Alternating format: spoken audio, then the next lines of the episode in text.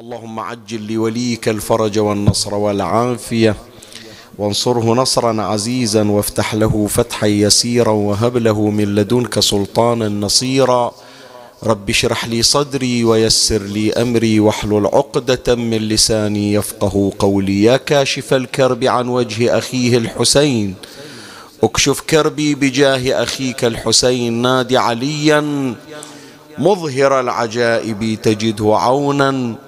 لك في النوائب كل هم وغم سينجلي بولايتك يا علي. يا علي يا علي يا أمير المؤمنين يا ذا النعم يا إمام المتقين يا ذا الكرم. إننا جئناك في حاجاتنا لا تخيبنا. وقل فيها نعم يا أبا الغوث أغثني. يا فارس الحجاز أدركني بلطفك الخفي ولا تهلكني.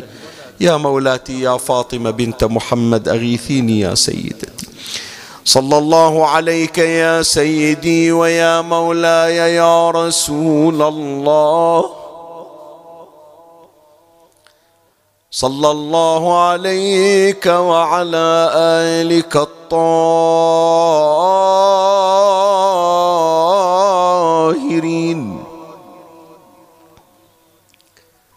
فاز من اعتصم بكم وأمن من لجأ إليكم. يا ليتنا كنا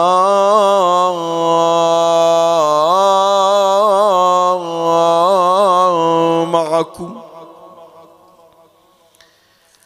فنفوز فوزا عظيما. أعوذ بالله من الشيطان الرجيم. بسم الله الرحمن الرحيم. قالت إحداهما يا أبت استاجره إن خير من استاجرت القوي الأمين. آمنا بالله. صدق الله مولانا العلي العظيم. بعون الله وتوفيقه أبتدئ معكم هذه الليلة ولمدة ثلاث ليال إن شاء الله. سلسلة من المحاضرات مكونة من ثلاث حلقات وتحمل هذه السلسلة عنوان كن قويا الغرض من هذه السلسلة شنو؟ هذه المحاضرات الثلاث أو هذه المجالس المباركة لمدة ثلاث ليالي ونتحدث خلالها عن تكوين قوة غرضنا شنو؟ غرضنا أولا يا إخواني طبيعي الإنسان في حياته الحياة ليست بمستقرة لأحد. الحياة لا تستقر لأحد. ولو كان أحد يستحق استقرار الحياة لكان أولى الناس هم الأنبياء والأوصياء. منو من الأنبياء؟ أنت شفت حياته مستقرة؟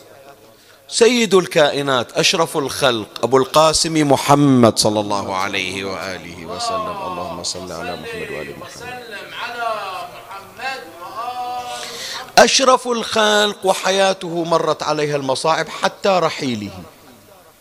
ما هدأت حياته؟ شوف عمر النبي ثلاثة وستين سنة.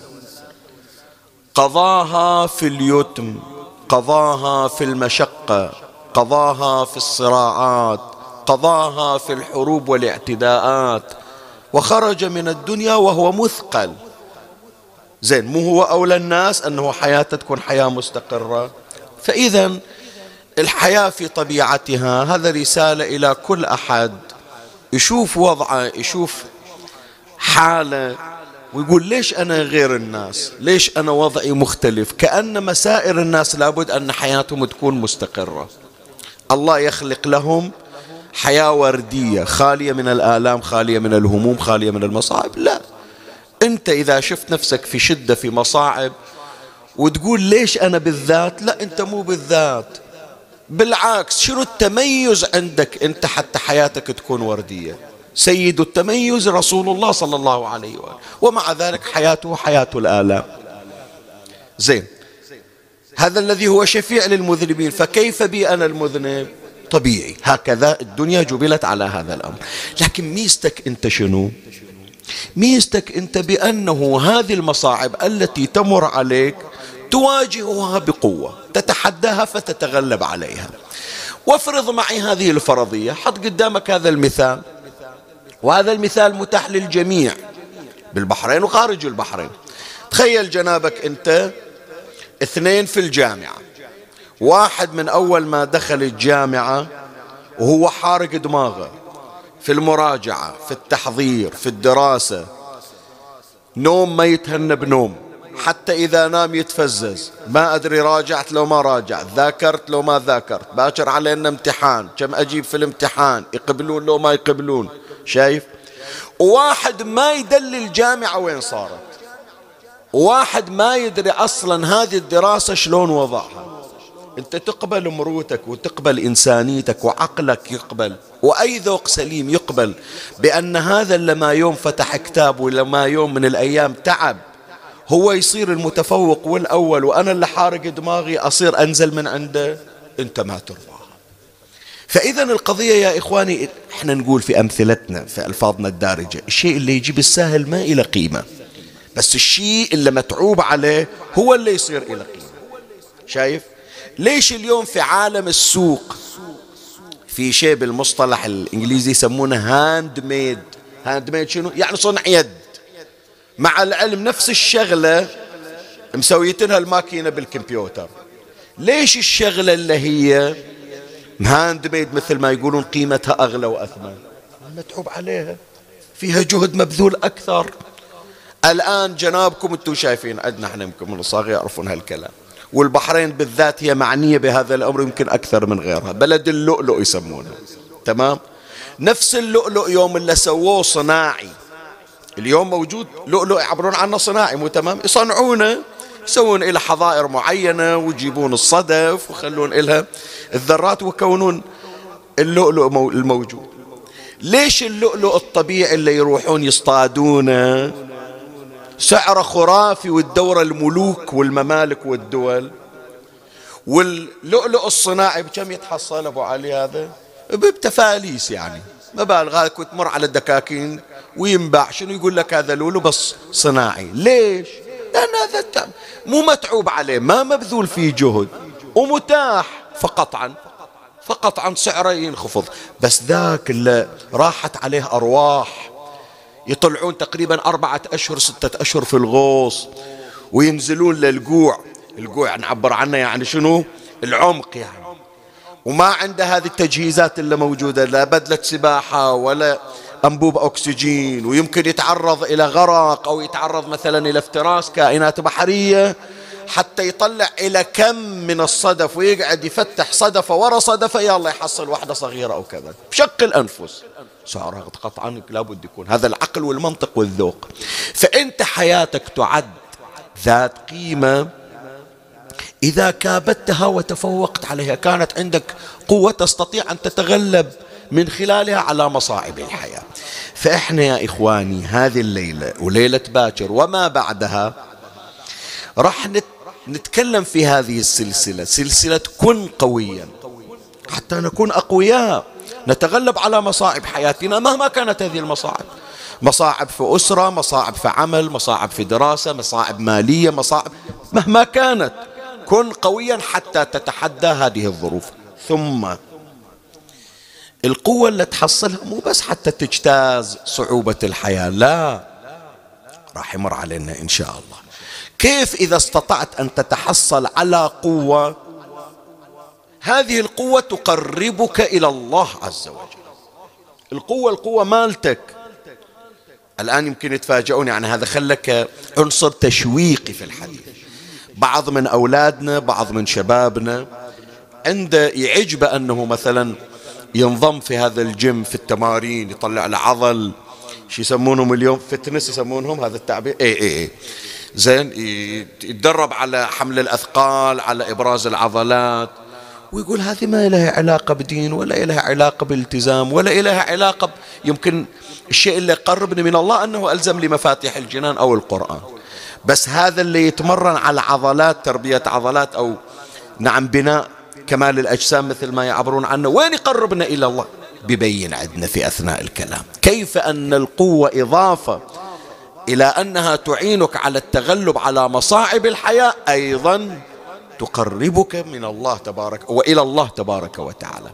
فإحنا إن شاء الله الليلة وليلة باكر واللي وراها وإحنا حيين وسالمين وياكم إن شاء الله هذه سلسلة نطلق عليها سلسلة كن قويا. ونتحدث فيها عن ثلاث قوى إحنا بحاجة إليها. أول قوة القوة البدنية هذه الليلة نحكي عنها. قوة الجسد قوة البدن. ليلة باكر نحكي عن القوة الروحية. نخلص الليلة من الجسم تقوية الجسم ليلة باكر لتقوية الروح.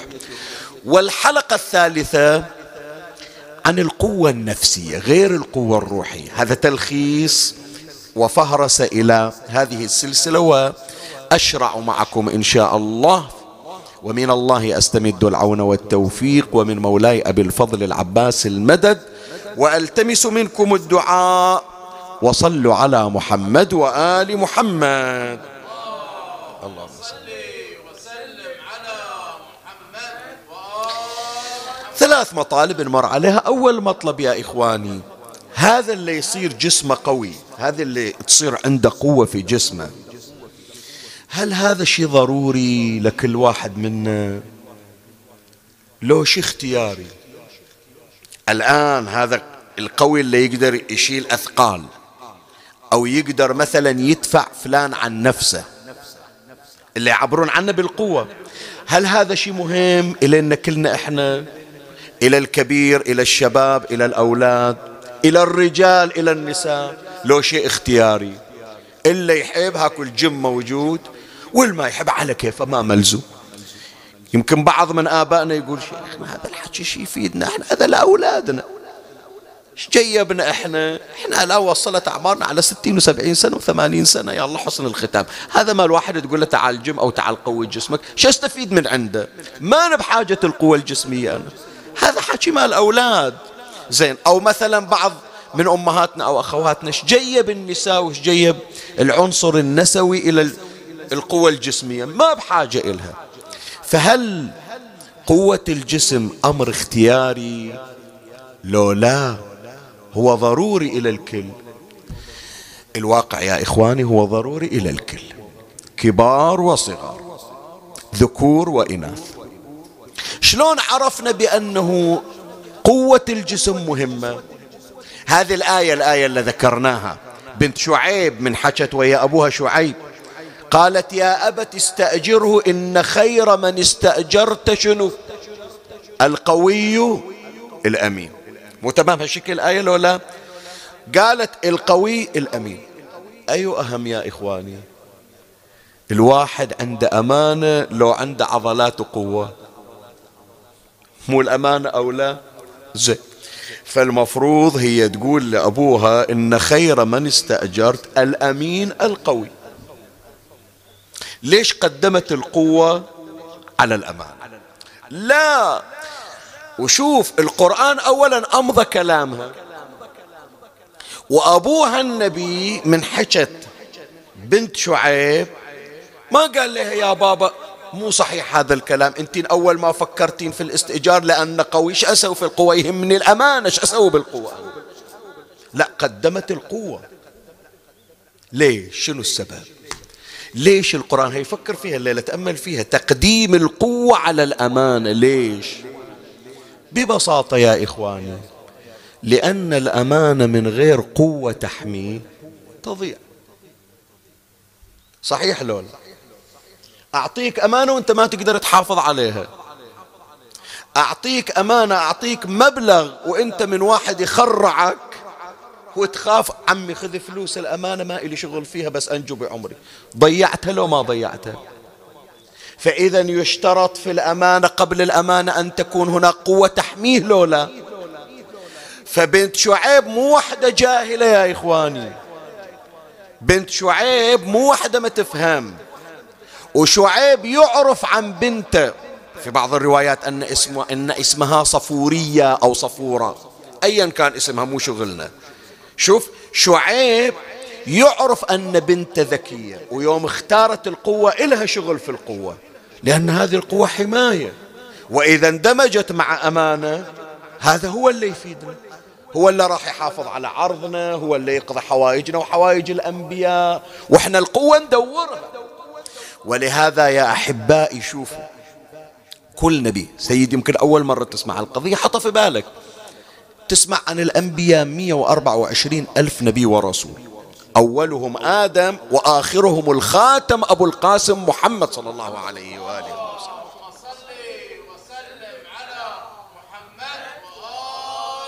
هي معلومة خلها عندك على هامش البحث يعني زينة المجلس.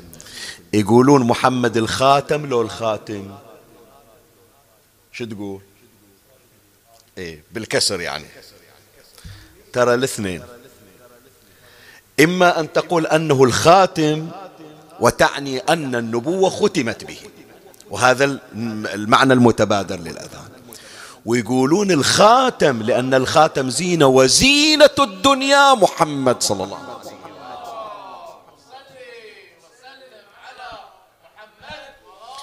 هذه بركة استحضار اسم النبي صلى الله عليه وآله. يهمني أنه نثير بعض الأمور حتى تبقى دائما في الأذهان. فتقول خاتم, خاتم الأنبياء وخاتم الأنبياء. زينة الأنبياء وبه ختم ختمت النبوة. شوف مولاي الكريم 124 ألف نبي ورسول غير الأوصياء غير الأئمة هذول شو اشترط فيهم؟ واحدة من الشروط اللي في الإمام أو في النبي أن يكون معصوما. أن يكون أعلم الناس. ما يصير يا جماعة تجيب لي واحد بينقل وحي ويمكن يغلط. إيش دراني اللي أعطاني إياه صح لو غلط؟ فلا بد أن يكون معصوما. بعد أن يكون أعلم الناس. ما يصير هذا اللي بيجي يعلم الناس يحتاج إلى واحد يعلمه. عجل أجيب اللي يعلم النبي هو اللي يعلمه. فلا بد من شرائطه أن يكون أعلم الناس. ومن شرائطه أن يكون أكرم الناس. ليش؟ باكر الناس تحتاج إلى الله مرسلنك ليش؟ مو حتى تقضي حوائج الناس. لو تجمع فلوس لابد أن يسخ. فلهذا تجد الأنبياء دائما هم أكرم الخلائق والأوصياء كذلك. وهي اللي تهمنا. ومن شرائط النبي والإمام أن يكون أشجع الناس. أشجع الناس. فلهذا لو تسأل من أشجع؟ علي أم رسول الله؟ شو تقول؟ إحنا في بالنا بأن علي قال عباب خيبر وكذا ففي زمن النبي علي أشجع من النبي لا. هو بنفسه يقول كان إذا اشتد علينا الوطيس لذنا برسول الله صلى الله عليه وسلم. قوة علي تسمع عنها ماخذنها من وين؟ من مصدر القوة وهو رسول الله صلى الله عليه وسلم. حتى الأئمة اللي تسمع عنهم أنهم في وقت كان مر عليهم وقت الناس تشوف أنه ضعف. موسى بن جعفر القيود في يديه وفي رجليه وفي الزنزانة. زين العابدين عليه السلام جامعة الأسر على صدره لا الظرف اقتضى عليه ذلك. مثل ما جد أمير المؤمنين الظرف اقتضى عليه أن يضع الحبل في عنقه. لكن إذا جاء موطن القوة أشجع من في الخلق هو الإمام آنذاك فلهذا إذا تسألني اليوم أكو موسوعات جينيوس يسمونها. منو أشجع واحد في العالم؟ إحنا عندنا عقيدتنا أشجع واحد الآن. منو؟ إمامنا صاحب العصر والزمان الإمام الحاضر عجل الله فرجه الشريف. زين فإذا وحدة حتى تأكد لك بأن سالفة القوة مو شيء بسيط شيء مهم. أنه يحافظ على الأمانة. الشريعة بحاجة إلى واحد يحميها. تمام لو لا؟ الدين اللي عند الحسين لازم يحتاج إلى قوة تدافع عنه وإلا يضيع الدين. وهذه الكلمة اللي تحفظونها ونحفظها من يوم إحنا صغار عطونا إياها في المدرسة تأملوا فيها زين. يوم إجوا عرضوا المشركون على رسول الله صلى الله عليه وسلم ورسلوا إلى عمه أبا طالب. قالوا له يا أبا طالب احكي ويا محمد. إلا يريد بس يفكنا ما له حاجة بهبل واللات والعزة والأصنام. خليه يبطل من هالسالفة. شي يريد؟ يريد بنات يريد يتزوج أجمل بنت نجيبها إليه يريد فلوس نملأ له ما بين هذين الجبلين ذهبا وفضة. نجمع الفلوس. شي يريد؟ يريد منصب نجعله سيدا علينا. بس خلي يفكنا. ما لازم. بيسبب لنا فتنة وإحنا في غنى عنها. اجى أبو طالب عرض الأمر مو لأنه منحاز ويا المشركين معاذ الله هذا وصي. هو يقول ولقد رأيت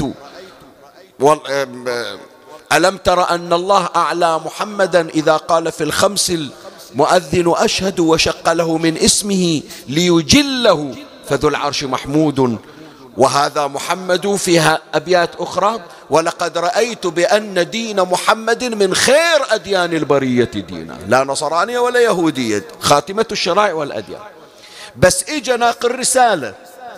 النبي شي يقول الكلمة اللي تحفظها؟ والله يا عم لو وضعوا الشمس في يميني والقمر في شمالي على أن أدع هذا الأمر ما تركته. شنو الكلمة اللي إحنا نحفظها ما تأملنا فيها؟ أو أهلك دونه. تعرف شنو أهلك دونه شنو؟ يعني حتى لو يوم من الأيام الله لا يقول وما قال. حتى لو علي قرر يتركني. حتى لو الدنيا كلها تقر وما يبقى في الدنيا إلا شخصية محمد والكون كله يتجمع عليه. أقاتل الكون بوحدي ويظهر ويظهر الله هذا الدين. هذا يدل على قوة النبي وشجاعة النبي. فإذا يا أحبائي القوة مو شيء اختياري. والله يعجبني أصير قوي لو ما يعجبني. لابد أن تكون قويا لتحافظ على الأمانة التي عندك. شلون بتحافظ على عرضك يا جماعة؟ شلون بتحافظ على فلوسك؟ لا بد للأمانة من قوة تحميها. فهذا يظهر لنا أن القوة البدنية هي أمر ضروري وليس اختياري. طيب إيش أسوي في القوة أنا؟ شيخنا لا أنا نبي ولا أنا وصي ولا أنا مرجع ديني عندي شريعة ومطلوب من عندي شيء. أنا واحد في حالي. إيش أسوي بالقوة؟ أنا أقول لك شو أسوي بالقوة. أغراض القوة هذه النقطة الثانية من المطلب الأول. أغراض القوة أول أمر الدفاع عن الحق. الدافع عن الحق بشنو؟ الدافع عن الحق بس بتفتح لي مفاتيح الجنان وبتقرأ دعاء وانتهت إذا ليش صارت الحروب في زمن النبي وزمن أمير المؤمنين؟ هي هذه الأدعية عن أهل البيت. كان قاعد علي بن أبي طالب يقرأ دعاء وخلصت السالفة. تمام لولا كان رسول الله راح إلى غار حراء كان يتعبر يتعبد فيه ودعا الله وانتهت. ليش هالحروب بدر وأحد وحنين وأحزاب وخيبر وغيره؟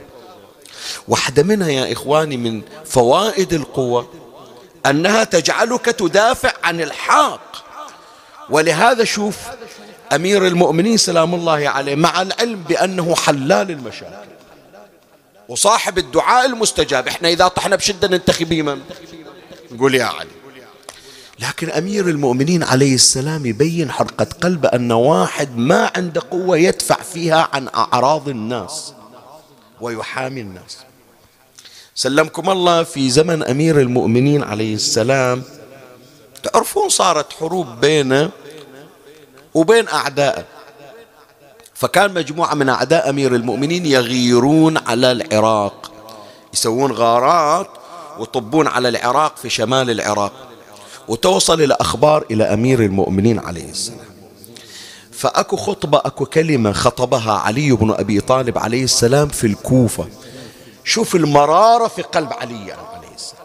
شوف المرارة في كلام علي بن أبي طالب. أنت الآن لما تسمعها تتخيل ذاك المنظر تتأذى وتتألم. أمير المؤمنين عليه السلام في خطبته في مسجد الكوفة يقول ولقد بلغني أن الرجل منهم من منو؟ من ذول اللي غاروا على المسلمين. شوف ولقد بلغني أن الرجل منهم كان يدخل على المرأة المسلمة والأخرى المعاهدة أو المعاهدة. شوية يعني خلينا نتوقف على الكلمة. أمير المؤمنين ما يقول والله إحنا بس المسلمين الشيعة وما لنا علاقة في الباقي. عنده غيرة على اليهودية مثل غيرته على المسلمة. عند غيرة علي على المسيحية مثل غيرته على المسلمة الشيعية. يقول ما دام هي ويانا فإذا صارت عرضنا. إحنا مسؤولين أنه ندافع عنها فيقول ولقد بلغني أن الرجل منهم كان يدخل على المرأة المسلمة والأخرى المعاهدة. شي يسوي؟ فينتزع حجلها.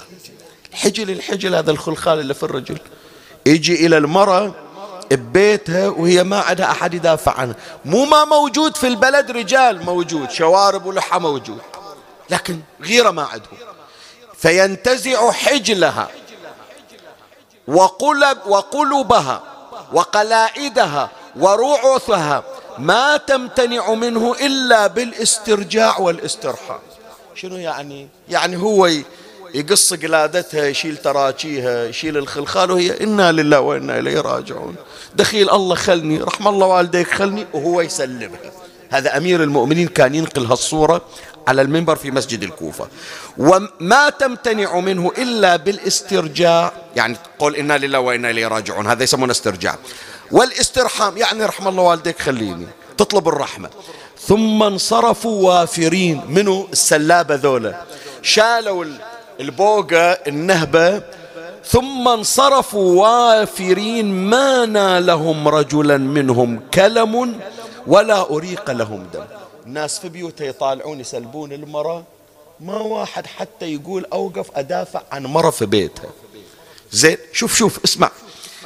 أه ولا أريق لهم دم. يقول أنا من أسمع هالحكي علي. فلو أن امرئا مسلما مات من بعد هذا أسفا ما كان به ملوما بل كان به عندي جديرة. يعني لو واحد ما يقدر يدافع ومات قهر ما ألومه. حقه. الناس شلون فقدت الغيرة يوم كانت ما عندها قوة تدافع بها عن الحق. فواحدة من الأمور اللي أنا أستفيد من القوة من وراها شنو؟ الحقوق شلون ترجع يا جماعة؟ ترجع بالقوة. وهذا اللي عبر عنه القرآن. وأعدوا لهم ما استطعتم من قوة ورباط خير. زين. الثانية الثانية من الأمور اللي تفيدني أنا بالقوة. شو أستفيد لما أصير قوي؟ عليكم السلام ورحمة الله. أستفيد أن المشاريع ما تستوي إلا بالقوة. بالله عليك واحد ضعيف يقدر يشيل طابوقة ويصلح جدار. المشاريع شلون صارت؟ المشاريع هذه اللي تسمع عنها ما صارت إلا بالقوة. ولهذا القرآن الكريم خصص إلى ذكر قصة إلى واحد اسمه ذو القرنين. ذو القرنين لا هو نبي ولا هو وصي شايف؟ من يعدون الأنبياء ذو القرنين مو نبي من الأنبياء. لكن الله يريد يقول بأنه لابد من القوة حتى تنبني الدنيا. وشوف القرآن إيش عبر عنه. إنا مكنا له في الأرض وآتيناه من كل شيء سببا. زي لا هو نبي لا هو وصي. بس يريد يقول لكم إحنا الأنبياء ما تستوي إلا بالقوة. إلا ما عنده قوة ضايع. خصوص شوف شوف إيش قد الدين يدعو إلى هذا الأمر حتى يربي الناس وحتى ينشئهم تنشئة سليمة. فهذه كلها من فوائد القوة. أنت تدافع عن حقك من جهة وأنت تقدر تبني المشاريع من جهة أخرى. فلهذا يا أحبائي أنا أريد أقول لكم شيء. قبل لا أتجاوز هذا الأمر هذه نقطة ثالثة حتى أتجاوز هالمطلب وأطلع على غيره. خلي النقاط اللي جبناها شوية بدل ما هي تحشيد أطعمها ببعض الأمور. إحنا اليوم عندنا شباب إحنا اليوم عندنا أولاد. نسمع عنهم وين رايح؟ قال رايح الجيم أتمرن. وين؟ قال والله مسوي رجيم حتى و... وأخذ بروتينات حتى أسوي شوف القوة مو للتباهي ولا للاستعراض. القوة مو حتى أصور نفسي وأنزل صورتي بالإنستغرام شوفوا شلون طلع عندي شو يسمونها 8 packs 6 6 لو 6 pack يسمونها. إيه يعني يطلع العضل ببطنه. أنا وأنت خب نغسل ايدنا من من هال packs هذه ولا ولا ربع pack أنا وياك عندنا. زين صلوا على محمد وآل محمد.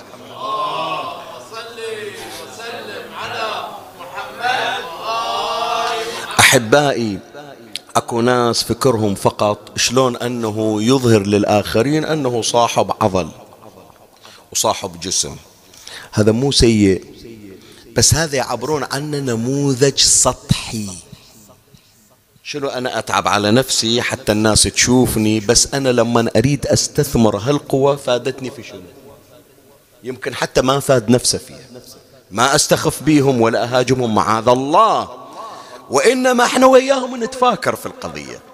نقول إذا أنت فقط تريد تبني جسمك وتسوي لك كمال أجسام حتى تطلع نفسك بصورة وحتى تحصل ميدالية هذا شيء سطحي. صح أنت يمكن في يوم من الأيام صنفوك أنه مميز في قوة الجسم.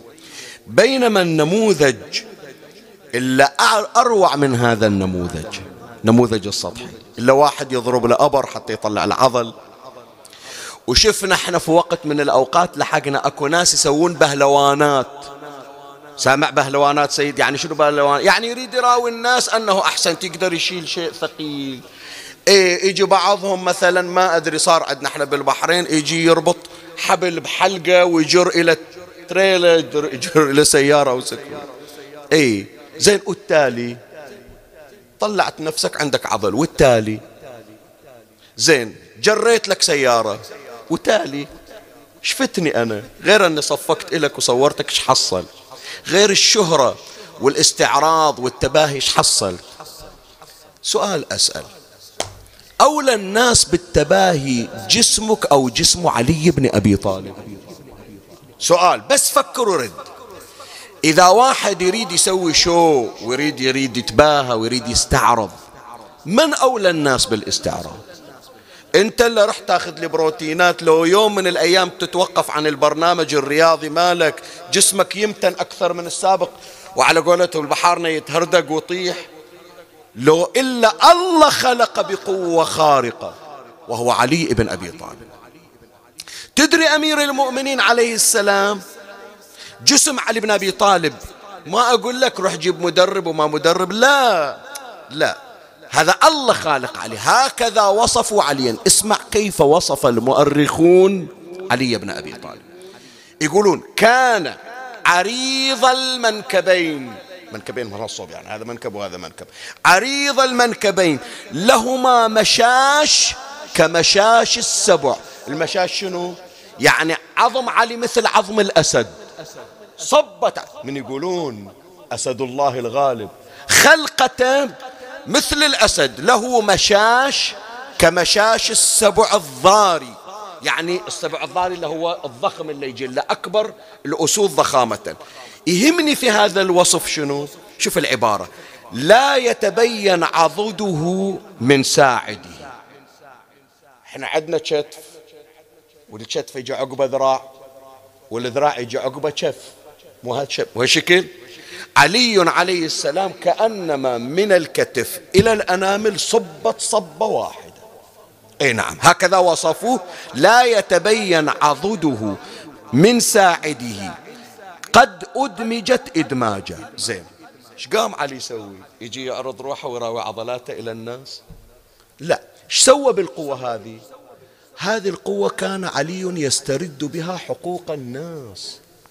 كان يحافظ بها على الفقراء والمساكين والمحرومين. وأروع كلمة هذه سجلوها. أتمنى الليلة هذول أصحاب كمال الأجسام وأصحاب الاهتمامات هذه. الله يوفقهم ويبارك فيهم. خلى الليلة يحط هالكلمة والشعار عنده تحت عينه. كلمة علي بن أبي طالب. يقول علي الذليل عندي عزيز حتى آخذ الحق له. يقول الله عاطني هالقوة مو حتى أتباهى بها لا. الله يطالبني أنه أنا أكون أنا الذي أرد الحقوق لأصحابها الذليل عندي عزيز حتى آخذ الحق له والقوي عندي ضعيف حتى آخذ الحق منه. مو جاي أسوي شو للناس؟ وين ماكو محروم أنا اللي أرجعها. وين ماكو ظالم أنا اللي أرد ظلمه بوجهه. وإلا إيش فايدة هذه هالعضلات وهال وهالجسم هذا؟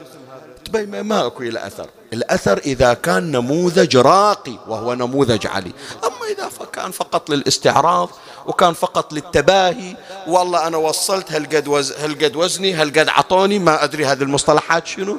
هذه وقت تاخذها وتالي تروح. شوف الآن كثير من الأبطال اللي سمعنا عنهم يمكن ما أدري يمكن شبابنا ما سامعين عنها الآن. من أيام صباننا محمد علي كلاي وطلع عقب محمد علي كلاي يجي منه تايسون تالي عقب تايسون إيه وين راحوا؟ فترة وراحوا. انبهرت الناس بهم وراحوا.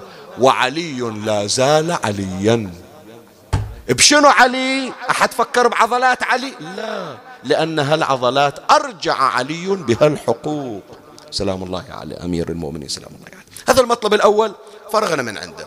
خلنا نيجي إلى سيرة أهل البيت سلام الله عليه. شوف أنا وين ما أجيب مواضيع ما أقدر ولا أفكر لوهلة أن أتجاوز أهل البيت لأن قوامي بأهل البيت سلام الله شوف غير إحنا نتكلم عن القوة الجسمية قد واحد يقول شيخنا أهل البيت عندهم بعد تدريبات لو ما عندهم. أهل البيت يسوون تمارين لو ما يسوون. يمكن واحد يقول لا شيخنا أول مرة نسمع الحكي. لا اسمع الحكي وحطه في بالك. أهل البيت ترى حتى أبين لك بأن قوة الجسم مهمة عندهم. ماكو واحد من عندهم إلا وكان يمارس التمارين والرياضات وأولهم سيد الكائنات أبو القاسم محمد صلى الله عليه وآله.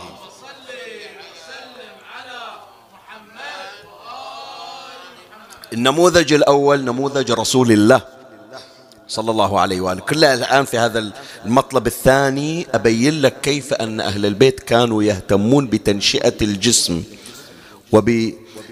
وبالقوة البدنية والجسمانية اللي هي حلقة هذه الليلة. رسول الله صلى الله عليه وآله تتكلم عنه حليمة السعدية مرضعته. وأنا ما أريد أدخل في بحث صدق مرضعة النبي حليمة السعدية. لو مثل ما أثير مؤخرا يمكن بعضكم سمع بأن هذه خرافة وليس بصحيح. ويريد ينكر شيء اسمه حليمة السعدية. أنا ما أدخل في هذا الجدل العقيم. وإذا ترجعون محاضرات شهر رمضان كان هناك بحث مخصص عن مرضعات رسول الله صلى الله عليه وسلم. وكيف أن كرامات ظهرت لحليمة السعدية. والما يدري واللي يقول خرافة خله يروح إلى المدينة وإلى البقيع ويشوف قبر حليمة السعدية. إذا زرت الأئمة في البقيع لابد أن تسلم على مرضعات رسول الله. وإذا تنكر أن النبي ارتضع إذا عثمان ابن مضعون أخي النبي من الرضاعة منين جاي؟ من الطوفة طالع من الجدار حاشا. هذا أمر ما يجي بالتكهنات وبحثناه بما لا مزيد عليه اللي يحب خليه يرجع إلى محاضرة مرضعات النبي. حليمة السعدية امرأة قديسة طاهرة مؤمنة بالله ظهرت لها الكرامات والمعاجز. تقرأ في بحار الأنوار للعلامة المجلسي وغير بحار الأنوار شوف الكرامات اللي شافتها حليمة السعدية لما أخذت النبي إلى أن أرجعته. فحليمة السعدية تنقل عن فترة رعايتها لرسول الله. صلى الله عليه وآله. وكان النبي وضع الجسماني يختلف عن غيره. الآن جنابكم الله إن شاء الله يرزق الماء عند الذرية ذرية صالحة. ادعوا للمحرومين من الذرية. والعنده ذرية الله يبلغ في أولاده. والعندهم أطفال صغار إن شاء الله يشوفهم شلون يكبرون ويفرح فيهم وفي أولادهم من يودي ابنه إلى العيادة عيادة الأطفال يشوف أكو موجود البنر هذه اللوحة. شلون تغييرات الطفل في الأشهر؟ متى يقعد؟ في أي شهر يقعد؟ متى يحبي؟ متى يوقف؟ متى يمشي؟ زين. أنتوا سمعتوا بأن طفل مشى من يوم عمره ثلاثة أشهر؟ ثلاثة أشهر بعد ملفوف بقماط. سامع عن طفل بعد ثلاثة أشهر ويمشي؟ زين. شوف حليمة السعدية كيف وصفت رسول الله صلى الله عليه وسلم. وكيف كان النبي يتغير ويصل إلى مراحل الكبار وهو بعد ابن أشهر. كلمة حليمة السعدية قالت حليمة السعدية عليه السلام جلس محمد وهو ابن ثلاثة أشهر. ثلاثة أشهر النبي قاعد. بعد. ولعب مع الصبيان وهو ابن تسعة أشهر. تسعة أشهر بعض الأطفال يمكن بعدهم ما حبوا تو بدي يقلب. يمين وشمال. النبي لا طلع راح يلعب ويا الصبيان ابن تسعة أشهر. اسمع. ولعب مع الصبيان وهو ابن تسعة. وطلب مني يعني يحكي النبي من أول يوم يحكي. وطلب مني أن يسير مع الغنم ويرعى وهو ابن عشرة. ما كمل سنة. عشرة أشهر يطلع ويا حليمة السعدية اللي الغنم. وطلب مني أن يسير مع الغنم ويرعى وهو ابن عشرة. اسمع. وناضل الغلمان بالنبل. يعطونهم تدريبات بالسهام. ابن كم سنة اللي يتدرب على رمي السهام؟ وناضل الغلمان بالنبل وهو ابن خمسة عشر. يعني سنة وثلاثة أشهر. شاهدي وين في هالكلمة؟ وصارع الغلمان وهو ابن ثلاثين. مو ثلاثين سنة ثلاثين شهر. ثلاثين شهر كم يعني حج تصير؟ أربعة وعشرين شهر سنتين ونحط عليها ستة يعني سنتين ونص. النبي يتعارك ويا الصبية يتعارك ويا الصبية مو يضرب الصبية حاشا النبي ذلك. وإنما المصارعة يعني التدريبات. خاض النبي التدريبات بعد ابن سنتين ونص. هذا رسول الله صلى الله عليه وسلم. تعال إلى أمير المؤمنين عليه السلام. شوف من يعلم ولد محمد بن الحنفية. التمارين والقوة الجسمانية. ما قال له اقعد الزم دعاء واقرأ دعاء. قال له لا اقرأ دعاء وصلي صلاة الليل وأريدك في الحروب عندك قوة. فلهذا الكلمة الرائدة لأمير المؤمنين عليه السلام لولده محمد بن الحنفية يقول تزول الجبال ولا تزل. الجبل انهدمه وانت ولا تتحرك من مكانك. تزول الجبال ولا تزل. عض على ناجذك الناجذ يعني الضرس يعني شد نفسك وانت من تدخل الحرب. عض على ناجذك. أعر الله جمجمتك. الواحد ما يريد يصيد ضربة على راسه يخاف يتعور. يقول لا أنت مسلم عمرك كله إلى الله. أعر الله جمجمتك. تد في الأرض قدمك. يعني إحنا نقول شنو؟ رز رجولك في الأرض. مو يجي واحد يحركك وتتبعد عن مكانك. مكانك خلاص راسخ في الأرض. تد في الأرض قدمك. ارمي ببصرك. أقصى القوم. وغض بصرك واعلم أن النصر من عند الله سبحانه. لا إله. هذه تربية علي. هذه تربية علي. زين بنطلع عن هالمطلب الآن. قبل لا نطلع كلمة أقولها. إحنا في محرم. تحفظون أنتم. تعرفون السيرة. أضبط يمكن من الخطيب تعرفون يوم سابع يوم منو؟ يوم العباس يوم ثامن يوم منو؟ يوم القاسم يوم تاسع يوم منو؟ يوم علي الأكبر. عباس وقاسم وأكبر. روح دور دخلوا حرب قبل عاشوراء. روح اقرأ ودور إلي. خلي العباس العباس ما أخذ كتيبة لا حتى في زمن أمير المؤمنين ما أخذ كتيبة. صح دخل يوم القنطرة وبعد عمره 14 سنة. لكن مو قائد مع قائد كتيبة. خلي العباس على كتر تعال للقاسم 13 سنة. وحدة وحدة. وحدة والجيوش والأبطال تنهزم من بين يديه. هذه اللي نقراها إحنا اللي حافظينها وموجودة في المقتل. شلون انقتل القاسم؟ انقطع شسع نعله وانحنى يسويه وإجا إلى واحد من خ... ما قدر يضربه من قدام وهو صبي عمره 13 سنة. ومو لابس درع. لبس ثيابه بهيئة شنو؟ بهيئة الكفن. وضاربين من الخلف مثل ما ضربوا جد علي بن أبي طالب. وهذا عمره 13 سنة حرب ما دخل. هذا شلون وصل لها القوة؟ شلون وصل لها القدرة؟ زين. أقل التقادير في المقاتل تقول القاسم قتل ثلاثين رجلا من الفرسان. من الفرسان. اليوم أنا أسأل اللي عندهم فن فنون الملاكمة والمصارعة إذا أنت وحدك يجتمعون عليك ثلاثين رجل من غير سلاح تقدر تدافع عن نفسك؟ غير يقولون الكثرة تغلب شنو؟ الشجاعة هذا صبي عمره 13 سنة ومو ثلاثين رجل ثلاثين ألف رجل. مجتمعة عليه. يقتل منهم ثلاثين فارس. وما حد يقدر يقتله. يعني ما عندنا إحنا رواية تقول بأن القاسم أصيب بسهم. ما عندنا هالكلام. سامع أنت هالشكل؟ أصيب بحجر أصيب بسهم؟ لا ما حصل. ما حد قدر يوصل إليه قتلوه غيلة كما قتلوا جده علي بن أبي طالب. من وين هذا جايبينه؟ من وين؟ من أي حرب تدرب القاسم؟ هذا حتى تعرف بالتمرينات والتدريبات العسكرية اللي كانت عند أهل البيت يهتمون في تقوية أبنائهم وفي تقوية أنفسهم. فكروا في هذه الأمور اللي نقراها في المقتل يا إخواني حتى تعرفون قيمة القوة. هل مقدار كافي في المطلب الثاني؟ خلي أطلع إلى المطلب الثالث والأخير. شيخنا أنت الليلة قاعد شنو؟ أنت بتخلينا نشترك في نادي؟ نروح إلى الجيم. إحنا حكينا إيش جايب هالكلام. أنت دائما كلامك في القرب من الله عز وجل. إيش جايب الليلة عن القوة وال والعضلات والبطولة؟ أنا أقول لك هذه القوة اللي تسمع عنها تقربك إلى الله تبارك وتعالى.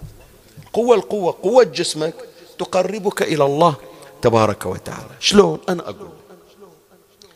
الليلة يا أحبائي الليلة محتاجين أنه نتقدم بالشكر. سيد محمد وياي نتقدم بالشكر إلى كل الجيل السابق والأجيال السابقة اللي قدموا لنا خدمات اللي صارت هالمآتم وهالمؤسسات ببركات جهودهم. نتقدم بالشكر إلى أمهاتنا الليلة إلي وقفة خاصة.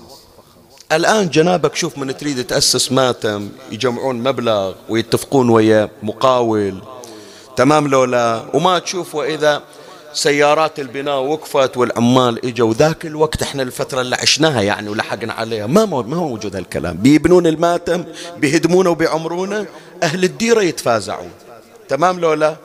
إحنا صغار بعدنا خلصنا المدرسة وركضنا الماتم. ابويا الله يرحمه وغير أبوي. شفناهم يجون من الشغل حتى لقمة العيش ما الماتم يحارسنا. فقامت هذه المآتم بسواعد الآباء. هذه من أقول لك القوة تقربك إلى الله. بعد تذكر أمك يا سيد. نذكر أمهاتنا نذكر جداتنا. تذكرون من يجي محرم. تذكرون من تجي أيام عاشور. مثل الحين هذا السبليت وهالتكييفات عز الحر. ومن الصبح تعال شوف الكل يشتغل هذه ثرم بصل وذيك تنظف لحم. شايف؟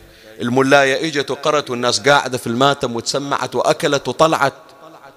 ونسوان عجايز أعمارهم ستين وسبعين وثمانين سنة. ما خلوا الخدمة في الماتم.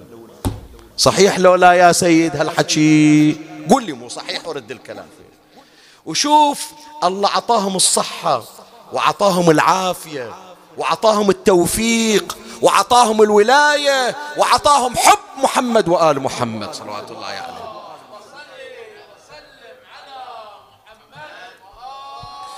الليلة يا أحبائي أينما كنتم؟ أحكي من الدول العربية من عمان حبيبة السلطنة إلى المغرب. أحكي إلى الكل. أينما كانوا. اتذكروا أمهاتكم. اتذكروا جداتكم. اتذكروا ذيك الأم اللي, كان اللي جسمها انهار حتى أنت تستوي. وحتى تجيب الشهادة إلها. وحتى تشوف عيالك. وحتى تشوف هذه استثمرت الطاقة اللي الله عطاها إياها حتى تخدم أولادها وتخدم أهل البيت. صارت هالمآتم صارت هالمساجد خدموا الناس فصارت قوتهم الجسمية طريق للتقرب إلى الله. إلى الآن إحنا شفنا. تتوفى حرمة يجون يقرون فاتحتها يشوفون الناس من منهارة من البكاء عليها. ليش هذه يبكون عليها؟ شنو؟ فلوس عندها قالوا لا شيخنا ما عندها فلوس. شنو؟ تخدم في المآتم. عدل لا أخوه. تخدم في الماتم. يمكن لا شهادة عندها لا لا سمعة عندها لا هي من العائلة المعروفة. لكن جندت نفسها لخدمة أهل البيت. هالقوة اللي عندها صارت طريق للتوفيق في الدنيا وفي الآخرة. عرفت الآن الحديث اللي الليلة جايب لنا ليش؟ من خلال القوة اللي موجودة عندك أنت تكون قريبا إلى الله عز وجل. وهذا ترى موجود حتى في سيرة الأنبياء. وفي سيرة الأئمة صلوات الله عليهم. شوف هذا موسى الكليم عليه السلام. الله عطاه كل ما عطاه بشنو؟ بما يشال إلى هالثنتين. فسقى لهما ثم تولى إلى الظل قال رب إني لما أنزلت إلي من خير فقير. شوف ما قال هالدعاء وهو يركض في البر. يوم اللي خدم هالثنتين وبعد ضعيف جوعان ما ماكل. قال هذول أقدم لهم خدمة وإذا قدمت الخدمة أطلب من الله يعطيني. نظير القوة لسحب الدلو لابنتي شعيب والسقاية لهما. شوف الله عطاه. عطاه أن يكون نبيا من أولي العزم. عطاه 12 معجزة. عطاه أن يقضي على فرعون أعتى ملك عرفته البشرية. عطاه أن يكون كليم الله. الله يكلمه مباشرة بلا واسطة. ببركة شنو؟ بركة الخدمة اللي يسويها. الله قال له خدم الناس بهالقوة شوف إيش اعطيك بعد راح نختم الآن. حضر قلبك. مولاي أبو الفضل العباس باب الحوائج. هالقوة الخرافية اللي تسمع عن العباس. هالقوة الخرافية اللي تسمع عنها أكو أنا أدري كلنا عشاق العباس لكن أكو أشخاص عندهم عشق إلى شجاعة أبي الفضل. أذكر من قريت في عين الدار يمكن بعضهم يتذكر يعني كم سنة الآن ما أدري صارت. فوق العشر سنين أنا قارئ. أكو واحد يقول شيخنا أنا محرم كله عندي سابع وأريد أسمع شجاعة أبو فاضل. تمطى أبو فاضل على الراية وحملها هزها وطنها وفي صدور القوم فلها. حول على الجيمان والعسكر ذهلها والشام زلزلها بصولة حيدرية. اسمي أنا المعروف في كل الوقايع. لازم أخلي الخيل توصل للشرايع. وإن كان طير الجو وسط البر جايع يشبع من الحوم العدف الغاضري. فدوى إلك يا أبو فاضل. إي والله. من الأبيات القديمة اللي اندثرت ولا أحد يذكرها قراها ملا عطية رحمة الله عليه. من وين هالخيال جابه ما أدري. من وين هالخيال جابه ما أدري. يقول ما موجود عندنا بالسير بس هالشكل موجود خيال شعراء. يقول ليلة العاشر أنصار الحسين قاموا يحطون سم في السهام. هذا ما موجود رواية بس خيال شاعر. يحطون سم في راس السهم. ليش؟ يقول لأن إحنا عددنا قليل. سبعين نفر إحنا وذولا ثلاثين ألف. فإحنا نخاف أن سهم يخطي ما يقتل. فعلى الأقل السم يساعدنا. من ينجرح هذا حتى لو ما قتل السهم السم يعجل عليه. فإحنا نقدر نسوي شيء. فكان واحد يقول للعباس أبو فاضل ما تحتاج إلى سم تخليه بسيفك حتى يساعدك باكر على ملاقاة الأعداء. فحج أحمد بن عباس العالي رحمة الله عليه هذا من تراث البحرين يقول. على لسان أبي الفضل يقول سيفي ما يحتاج إلى سموم. هذا الضعيف يحتاج إلى السم. أنا السم. العباسي سيفي فلا يحتاج إلى سموم وصوتي تسمع أم كلثوم وقولوا لطير في السماء يحوم باكر يجي ويشبع من الحوم. فمولاي الكريم شجاعة العباس اللي تسمع عنها اللي عندها القوة هذه هذا المفروض يجندها لجيوش لأبطال. تعرف العباس شجاعة تطلعها شنو؟ إلهي أريد أن أعتد بعدتي وأملأ لهؤلاء الأطفال قربة من الماء يعني اللي عنده البطولة يقول أوفر هالقوة هلا عندي لخدمة عبد الله الرضيع رقية بنت الحسين أجيب لها ماي. ولهذا الضربة من نزلت على العباس على راسه ضرب العباس وهو متقلد لقربته. ليش؟ يقول من أريد أنقتل ما أنقتل قائد جيش. أريد أنقتل وأموت وأنا خادم لعيال الحسين. عرفت ليش العباس قبته مميزة؟ وعرفت ليش العب هذا حتى تعرف ميزة خدام الحسين شلون. فتوحات مولاتي الزهراء أبوس إيدك مولاتي. هذا كلها من عطاياك يا سيدتي علينا. وإلا هذا ما كان من الرزق المحتسب. هو رزق غير محتسب, غير محتسب. كل الخدم تنهان. شفناها بالعين. بس بكرامة تعيش خدام الحسين. شوف اللي عنده قوة والقوة يخليها إلى الله وإلى أهل البيت. الله يعطيه مدد لا يقاس بالعقول. وخير مثال خلاص نختم الحديث هالمقدار اكتفى مجلسنا؟ خير مثال على ذلك أمير المؤمنين علي بن أبي طالب. لا تقول لي يا حج شلون أخدم الحسين القوة راحت؟ لا. أنت على بالك من تخدم الحسين من قوتك أنت؟ لا هي عطايا أهل البيت. هم باب الله. الواحد مريض ما يقدر يحكي. أنا يا جماعة يمكن ما مسولف لكن يدرون أهل نعيم الله يذكرهم بالخير. سنة سنة اللي سويت العملية سنة المرضى. وأول مجلس قريته في هذا على هالمنبر الشريف. هذا يوسف كان يحملني يحطني على الكرسي ويرد ينزلني. وقفة ما أقدر أوقف. فأول ما قريت مجلس يوم سابع أنا في الطريق إلى المجلس يلزموني اثنين وأبوي الله يرحمه لأنه أمشي خطوتين وأوقع. ما أقدر أتحرك من شدة الضعف. فأقول لهم أنا ما أقدر أقرأ أنا حكي ما أقدر أحكي. أطلب الماي أهلي يسمعون ويدرون. في الغرفة من أقول أريد ماي ما حد يسمعني من ضعف الصوت. شلون أقرأ لكم مجلس يوم سابع؟ قالوا شيخنا لو تقعد على المنبر. بس قول السلام عليك يا أبا عبد الله إحنا التكملة تجي. يذكرون هم يذكرون. حاضرين بالمجلس منهم أستاذ السيد عبد الله الغريفي حفظه الله وغيرهم موجودين. مولاي الكريم أقرأ على المنبر خمسة وأربعين دقيقة نعي وأنا مشقوق من الصدر للسرة. صوت ما عندي منين إجا الصوت؟ هي عطاياهم سلام الله عليه هم الجماعة يقولون شيخنا أنت 16 سنة تقرأ عندنا قبل المرض ما قريت لنا يوم سابع بمثل هذا الصوت. رجعت إلى وضع الطبيعي بعد المجلس. فأنت من تخدم أهل البيت هذا المدد من وين؟ من الله بواسطتهم. لا تقول لي أنا ضعفت لا تقول لي ما عندي. لا المدد منهم أنا سائلكم وآملكم فيما إليكم التفويض وعليكم التعويض. فبكم يجبر المهيض ويشفى المريض وما تزداد الأرحام وما تغيظ أختم الحديث أمير المؤمنين يوم خيبر.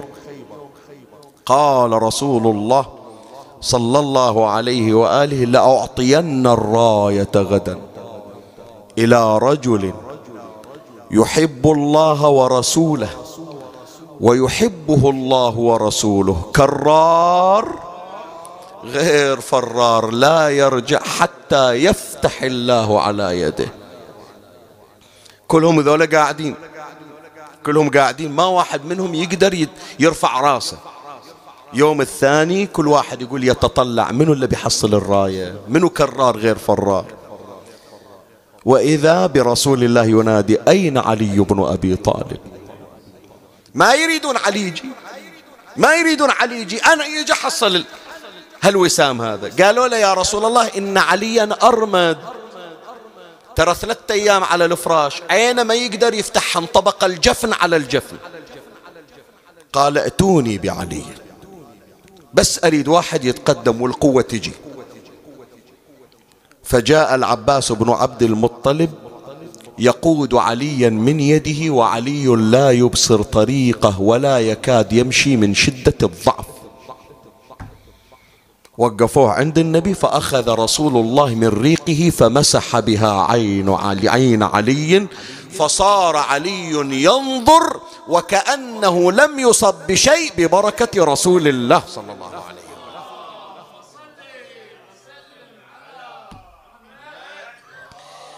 حسان بن ثابت يقول وكان علي أرمد العين ينتظر دواه فلما لم يحس مداويا شفاه رسول الله.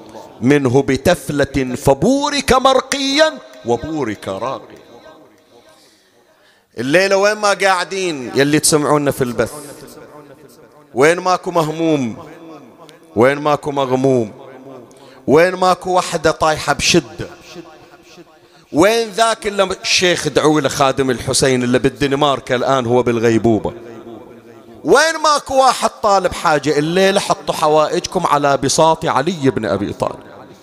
هو حلال المشاكل. أريد أقرأ هذه الأبيات الأخيرة وأختم بالنعي الآن على وشك. إحنا ساعة إلا خمس نقرأ الليلة أريد أقرأ هالمقدار كافي. شيخ الأزري يقول وله يوم خيبر فتكات كبرت منظرا على من رآها. يوم قال النبي إني لأعطي رايتي ليثها وحامي حماها.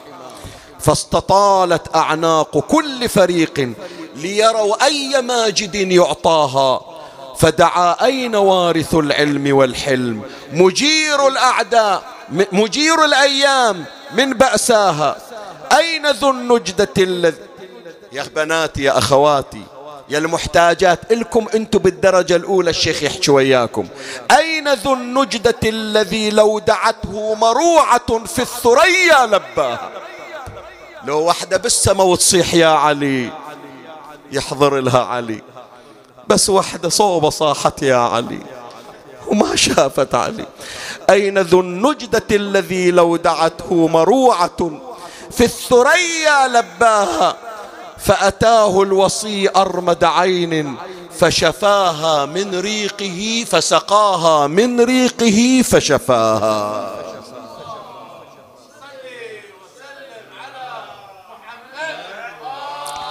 هذه من علاه احدى المعالي. هذه من علاه إحدى المعالي. وعلى هذه فقس ما سواها. مسح عليه رسول الله. وإذا القوة تدب في علي بن أبي طالب ويتقدم علي إلى حصون خيبر. والمسلمون واقفون وإذا بباب خيبر يطير في الهوى لما دحاه علي. يا قالع الباب الذي عن هزه عجزت أكف أربع؟ وأربع أأقول فيك سميدع؟ كلا ولا حاشا لمثلك أن يقال سميدع.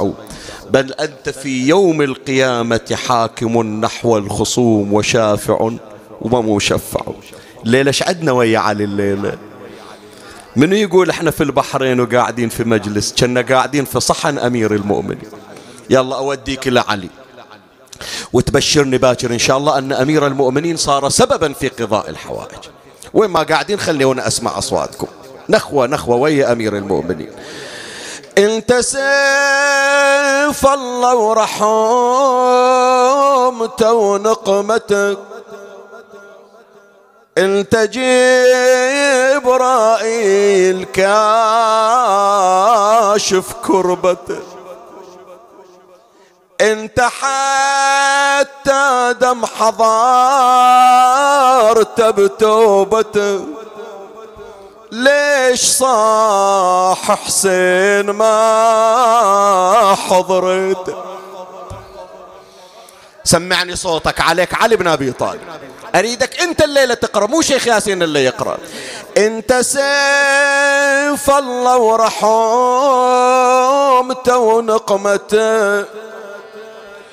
أنت جبرائيل كاشف كربت انت حتى دم حضارت بتوبته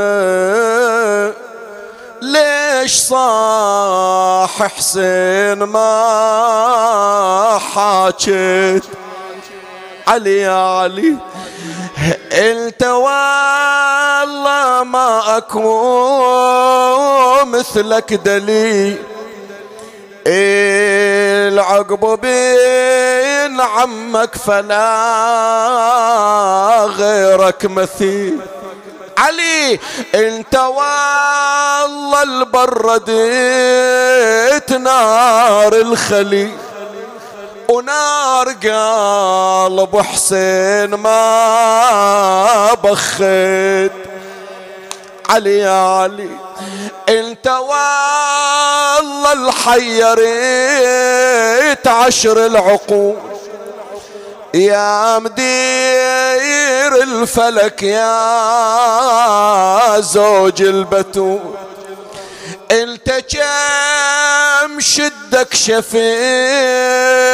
عن الرسول. حجي ليش طاح حسين ما شالت يا علي يا علي. هذه اطلبها اطلبها من عنده. انت حلال المشاكل من تضيج. انت ما يبعد عن حصانك طريق انت آمر النار بيدك والحريق أبو علي انت آمر النار بيدك والحريج. بالمخيم نار ما طفيت. يا علي يا علي تمنت زينب علي يحضر إلها ليلة الحادي عشر. صاحت وين ويلي وين الصديق اللي يقطع البر؟ أعطيه نخوة ولا يتعذر. يوصل لهلي والفجر ما طار قبل صيحة لذان الله. وأكبر وأكبر ببيوتنا يقوم يتخطر يصرخ وين حمزة وين جعفر؟ سلمان وين وين أبو ذر؟ عمار وي مالك الأشتر مقداد وين وين أبو ذر وينك يا داحي باب؟ ما سمعت من عندك. وينك وينك وينك وينك يا داحي باب؟ خبر خبر بناتك يا علي طشرت في البر. بناتك بناتك. بناتك يا علي طشرت في البر زينب حافية القدمين ليلة الحادي عشر. صاحت هود هود هود يا أبويا علي الليل.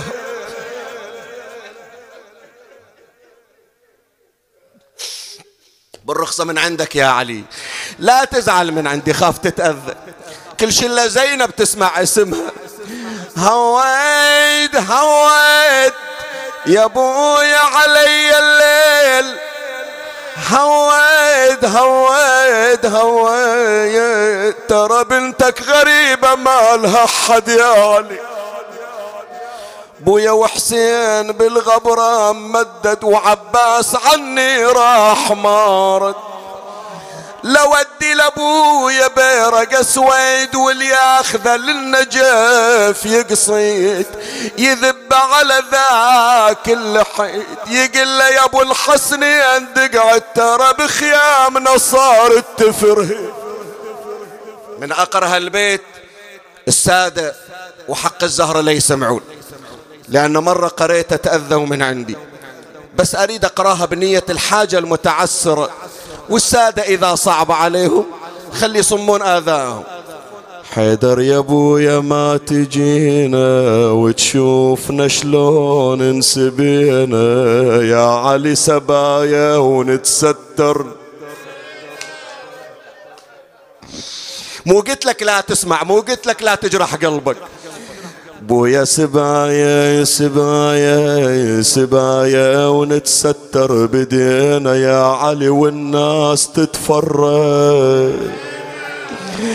ومدت إلى نحو الغريل طرفها ونادت أباها خير ماشل وراكبي بناتك يا كرار صرنا غنيمة. ويطمع فيها شامت وحسود يسب أبوها. عند سلب قناعها. ولا ستر إلا ساعد وزنود.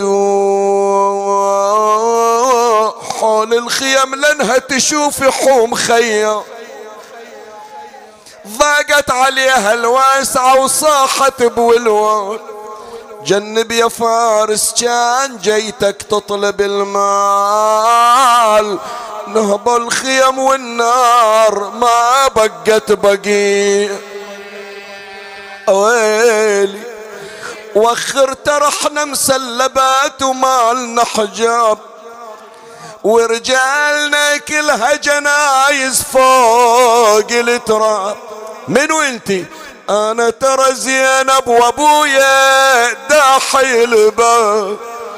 حرمة وبقيت محيرة في الغاضري اويلي أمي الزهرة ودعوتي لازم مجابة جد رسول الله وأنا روح النجاب صدت حن صوب النجف وتصيح. يا با يا با بحالحال يا حيدر ولا تنغر علي. علي صرت رخيصة عندك. تحضر للغريب وتخلي المدللة. حيدر أبويا اللي يدير الفلك بيده. أنا العزيز شلون خلاني وحيد؟ لو ما درى زينب بهالحالة الشديدة لن يناديها يا زينب يا زكي. أويلي أنا يا زينب والدك واسمع عتابك كل نصب عيني يا محزونة مصابك. يا عزيزة الزهرة القضى للطف جابيك صبري يا بنتي وحمدي رب البرية زينب لا توقفين خاف أجنبي يشوف طولك. ما أرضى على الغريب واحد يتأمل في وحدة أجنبية. شلون أرضى على بناتي؟ إي وين أروح يا ابويا خبرني وين أروح؟ رد الخبا يقلها وبارها النساوي. وانت لوين تريد قال لها الغريب؟ أنا ما أقدر ابات بكربلاء وأسمع هلونين وما أقدر أشوف حسين يتعفر بالرمال. تقدر تسمع اقراه إذا شفت البيت قاسي سكتني أسكت. روصوا بي الله وروح يا منجي العذراء ما تقدر تشوف حسين مرمي فوق. غبرة غبرة. أقول له أسكت. اشحال اللي شافت شمر صاعد فوق؟ صدرة إيش سوى؟ حز الكريم وشال رأسه فوق عسان فتك العصفور بالصقر فيا للعجب ذبح الشمر حسينا. غيرة الله غضبي حيدر آجرك الله بعالي الرتب. أدرك الأعداء فينا آثار بدر وحنين. يقولون لكل قادم كرامة وإلا المجلس مكتفي. شيخنا شيخ عبد الله شيخي أبو صادق أستاذي أقرأ هذا البيت لشرف مقدمك. لسان حال زينب تحكي ويا علي. كلكم أتمنى أسمع الونه من عندكم بنية قضاء الحوائج. زينب لسان حالها يقول ماجور ماجور كذب من قال هذا الزمن. ماجور ماجور ترى قلبي بنار الحزين. ماجور كلكم صيحوا ماجور. بابو السجاد يا ابو حسين. ماجور ماجور داست فوق صدر العوج وصدر تربيه البتول بحجرها. ترضضه خيل العدا بالحوافر. اللهم صل على محمد وآل محمد. باسمك اللهم أدعوك يا الله يا الله يا الله يا الله يا الله يا الله يا الله يا الله يا الله. بمحمد بعلي بفاطمة بالحسن بالحسين بعلي بمحمد بجعفر بموسى بعلي بمحمد بعلي بالحسن بالحجة ابن الحسن بالأئمة المعصومين. اللهم كل وليك الحجة ابن الحسن. صلواتك عليه وعلى آبائه في هذه الساعة وفي كل ساعة. وليا وحافظا وقائدا وناصرا ودليلا وعينا حتى تسكنه أرضك طوعا. وتمتعه فيها طويلا. تفضل يا ربي على المرضى بالشفاء والعافية. من سألونا لأجلهم الدعاء ومن لم يسألونا اللهم تفضل عليهم بشفاء لا سقم بعده. وبعافية لا ألم بعدها. أدخل اللهم السرور على قلوب المرضى وقلوب ذويهم. اقض حوائجنا وحوائج المحتاجين. فرج اللهم عنا وعن المؤمنين في مشارق الأرض ومغاربها. ترحم على أموات وأموات الباذلين والسامعين. اجعلنا يا ربي من خير عبادك لقنا نظرة رحيمة لا نشقى بعدها. ارزقنا حب محمد وآل محمد وارزقنا حبهم لنا. أوصل سلامنا إلى ساداتنا الأطهار. ترحم على أمواتي وأموات المؤمنين أينما كانوا في مشارق الأرض ومغاربها. أوصل لهم جميعا ثواب هذا المجلس. بلغهم ثواب الفاتحة مع الصلوات.